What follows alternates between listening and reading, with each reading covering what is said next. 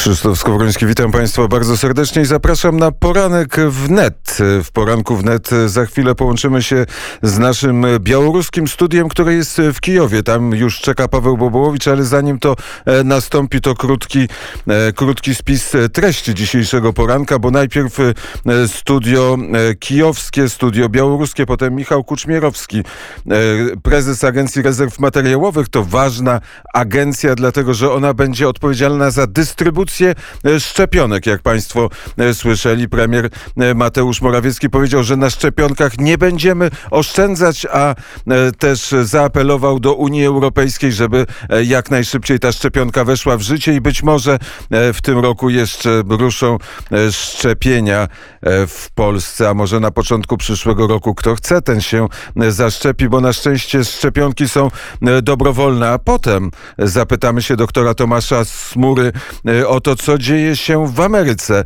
E, co to oznacza dla Polski, dla świata, że Joe Biden e, został prezydentem Stanów Zjednoczonych. E, po godzinie ósmej chwila refleksji z redaktorem naczelnym do rzeczy Pawłem Lisickim. Potem wspomnimy rocznicę, bo dzisiaj jest rocznica masakry, morderstwa w kopalni Wujek. A na koniec e, Jan Bogatko e, o e, rocznicy będzie opowiadać Jadwiga Chmielowska, redaktor naczelny Śląskiego Kuriera Wnet, ale też działaczka Solidarności Walczącej, osoba, która najdłużej ukrywała się w stanie wojennych. Tu zapytamy, bo jak Państwo wiedzą, strajk kobiet przemieszczał się ulicami Warszawy 13 grudnia, nawiązując do rocznicy wprowadzenia stanu wojennego i chcąc stworzyć analogię między e, tym, co dzieje się w Rzeczpospolitej teraz, a e, działo się wtedy w pamiętną e, noc z 12 na 13 grudnia, kiedy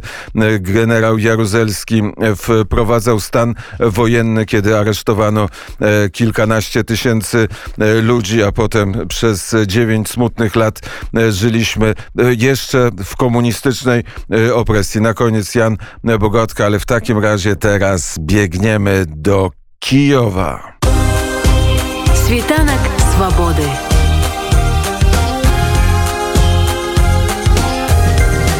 Świt wolności.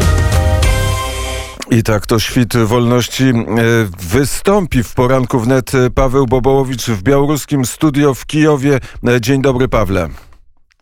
Dzień dobry, tak, rzeczywiście białoruskie studio w Kijowie, ale przypomnę, że białoruskie studio jest też w Warszawie i też nadajemy na falach Radia z Nadwili, czyli Wilno, Warszawa, Kijów, połączone we wsparciu społeczeństwa białoruskiego, społeczeństwa, które od sierpnia protestuje przeciwko e, Łukaszence i przeciwko falsyfikacji wyborów i tym represjom, które cały czas niestety mają miejsce. To połączenie nam się udało. My wiemy, co dzieje się w, w białoruskich nocach, co dzieje się tutaj na krakowskim przedmieściu, ale powiedz, jak wygląda e, twój zespół, jak wygląda praca świtu wolności?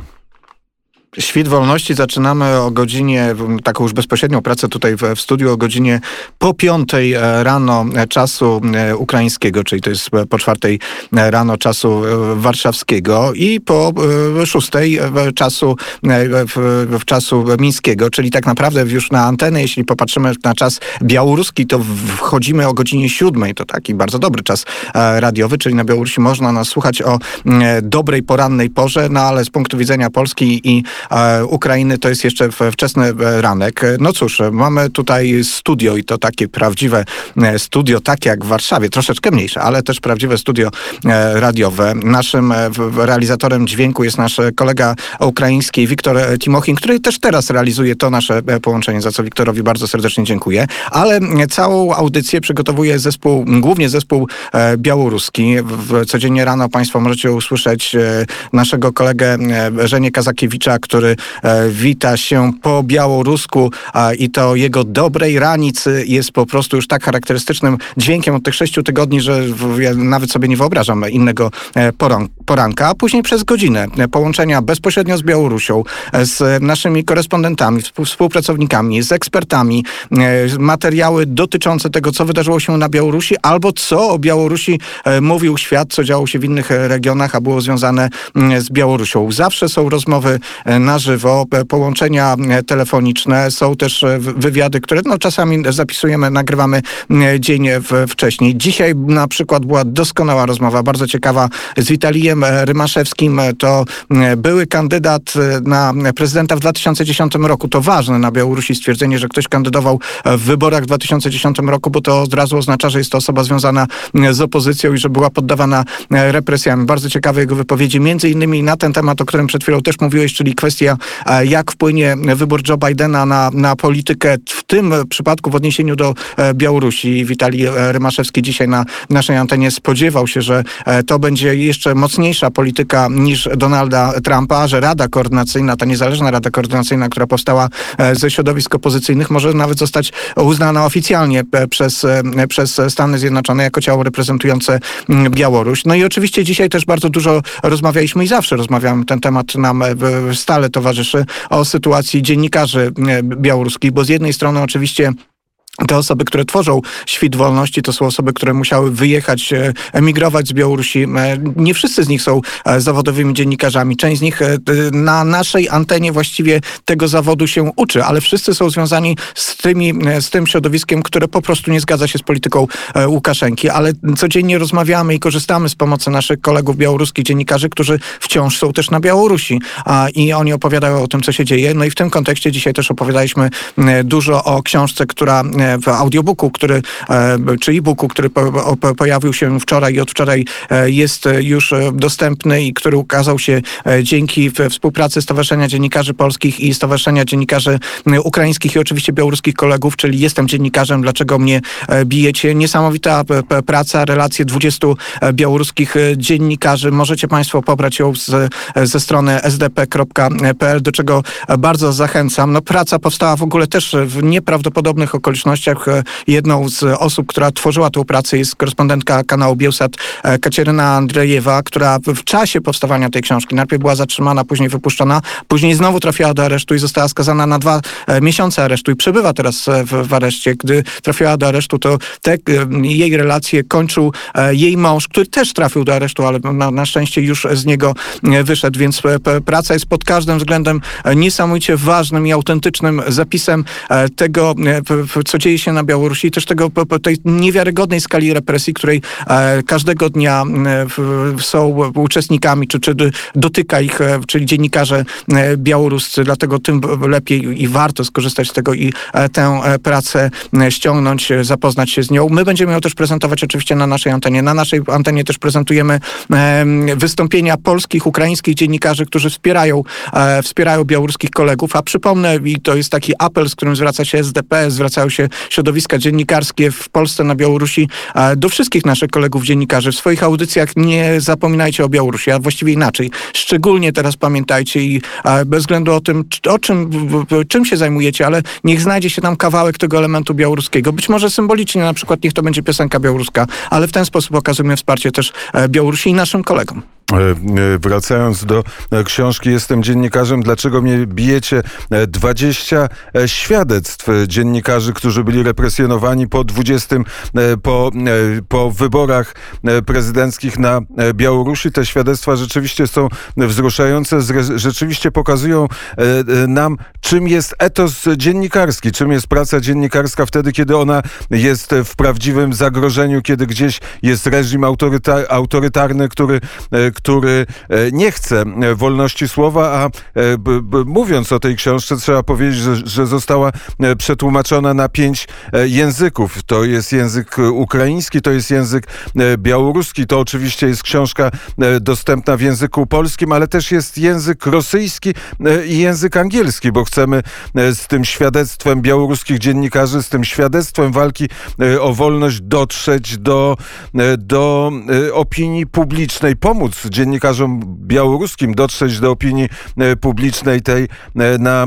zachodzie Europy, a tam e, też się dzieje. Poseł związany z opozycją, pan Andrzej Halicki zbierał podpisy, bo chciałby, żeby pani Swietłana Ciechanowska i przedstawiciele Rady Ko Koordynacyjnej znaleźli swoje miejsce w Parlamencie Europejskim.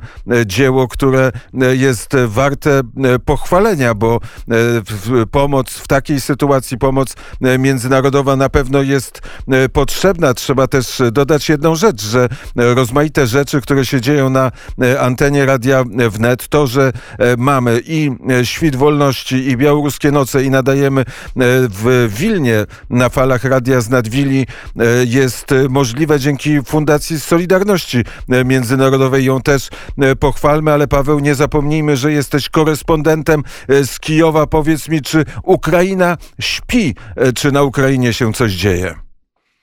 Ale jeszcze jedno słowo, bo mówiłeś o tym etosie pracy dziennikarskiej powiedziałeś też o tym, że ta książka jest w języku e, rosyjskim. No wspomnijmy, że e, obserwujemy też e, fatalne przykłady pracy dziennikarskiej białoruskich kolegów, którzy musieli odejść, którzy zostali wyrzuceni ze swoich miejsc pracy. Bardzo często zastępowali rosyjscy dziennikarze, którzy po prostu zostali zatrudnieni jak najemnicy, jak najemnicy reżimu Łukaszenki. I to jest ten negatywny przykład, dlatego być może ta wersja rosyjska tej książki do nich dotrze i dotrze może do ich ich sumień, o co pewnie też można apelować. Ale masz rację, to nie jest tak, że w tej pracy na rzecz naszej białoruskiej redakcji, białoruskiego zespołu zapominam o wydarzeniach ukraińskich. Wręcz przeciwnie, a dzieje się wiele na Ukrainie i Ukraina nie śpi. I muszę zacząć od tego tematu, który no, jest nam szczególnie bliski też nam, mówię w sensie środowiska Radia Wnet, bo przecież od początku obserwowaliśmy też wydarzenia e, na Ukrainie związane z Euromajdanem, później rewolucją godności w 2013 roku. W grudniu 2013 2013 roku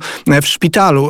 Przeprowadzałem wywiad z e, Tetianą Czorno, Czornowił. To, Tetiana to osoba, która była jedną z takich ikon e, Euromajdanu i protestu przeciwko, przeciwko reżimowi e, Janukowycza. To ta osoba, która pierwsza wdarła się do tej jego wielkiej rezydencji Merzygirje i pokazała tę rezydencję, za co później zresztą przecież była szkalowana, prześladowana.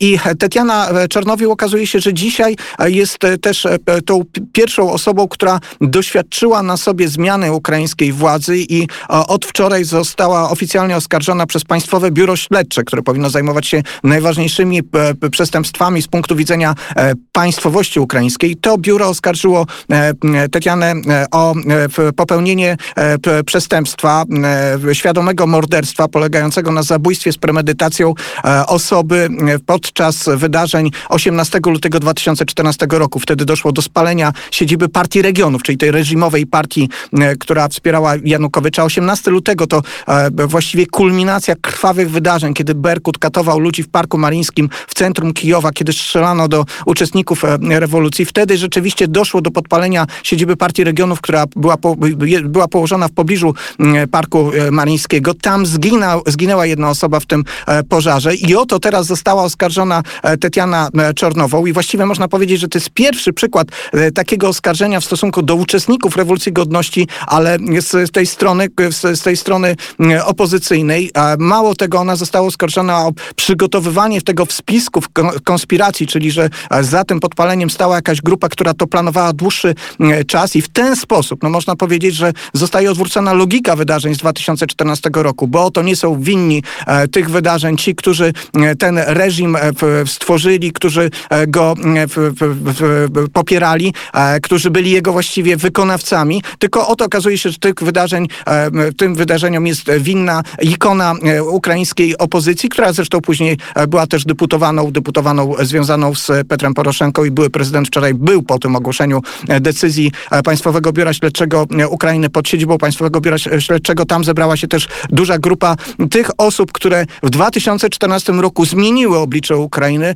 popychając Ukrainę w kierunku zachodnim, w kierunku europejskim. Dzisiaj te osoby okazuje się, że stają e, przed, e, przed e, organami śledczymi Ukrainy roku 2020 i to chyba jest rzecz przykra. Jak wspominałeś dzisiaj o wydarzeniach z 81 roku i o kopalni e, Wujek, to pojawiały się takie analogie o tym, że gdy nie rozliczy się reżimów, to później bardzo często dochodzi do jakiegoś e, e, absolutnego zachwiania ocen moralnych i jak to miało miejsce, gdy w, tym roku 13 grudnia jedna z te, ze stacji telewizyjnych prosiła o komentarze w sprawie stanu wojennego Leszka Millera i to wydaje mi się, że to jest właśnie taki przykład tych pomieszania pojęć. No niestety na Ukrainie też to możemy teraz obserwować. To może zaobserwujemy kiedyś uroczysty powrót e, pana Janukowicza do swojej willi, bo to w końcu e, własność rodzinna, piękna, 44-hektarowa e, posiadłość, którą kiedyś zwiedziliśmy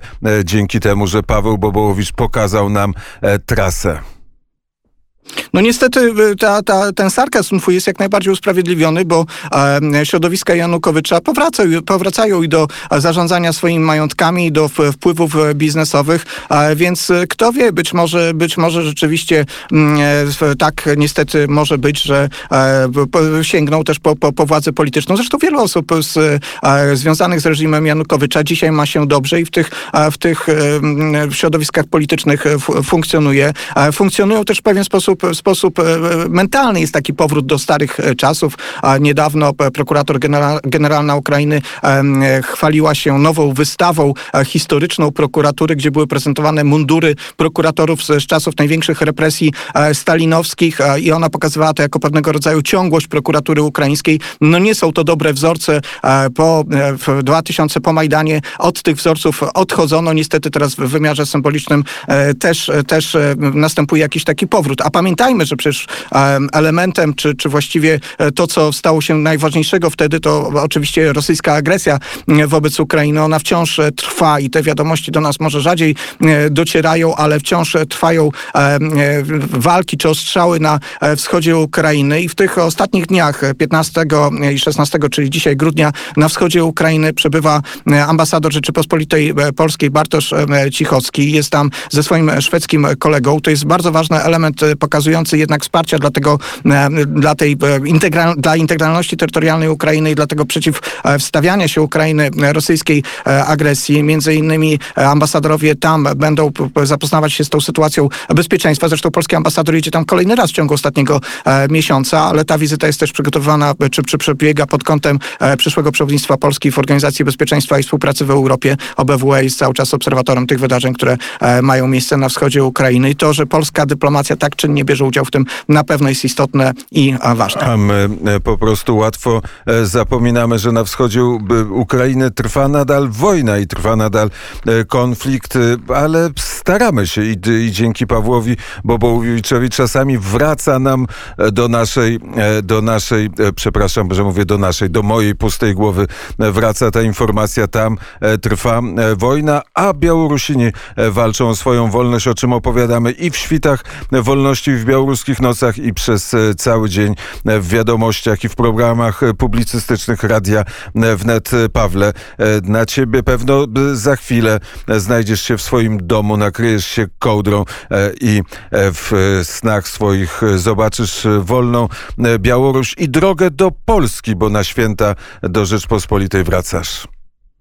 Najpierw skończę przygotowywanie wiadomości e, dla naszej polskiej anteny, właśnie e, wiadomości ze Świtu Wolności naszej białoruskiej redakcji. E, Co do kołdry dzisiaj, to nie byłbym tego pewien, ale tak, faktycznie wracam do domu i z wielką przyjemnością najpierw pojawię się w Warszawie i w naszym warszawskim studiu, a później już Wigilię spędzę w rodzinnym gronie, w moim rodzinnym Lublinie. Na zakończenie przypomnijmy, książka. Jestem dziennikarzem, dlaczego mnie, mnie bijecie?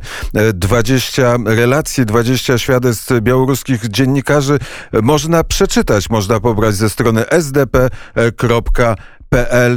Pawle, bardzo serdecznie dziękuję za rozmowę. E, Dziękuję serdecznie, pozdrawiam. Kawę macie w studiu? Tawariść, kawa u was Kawę jest? I Pijemy, pijemy, jest kawa, jest Nie herbata. musi pijcie, nie pijcie, ta zabawa może się źle skończyć.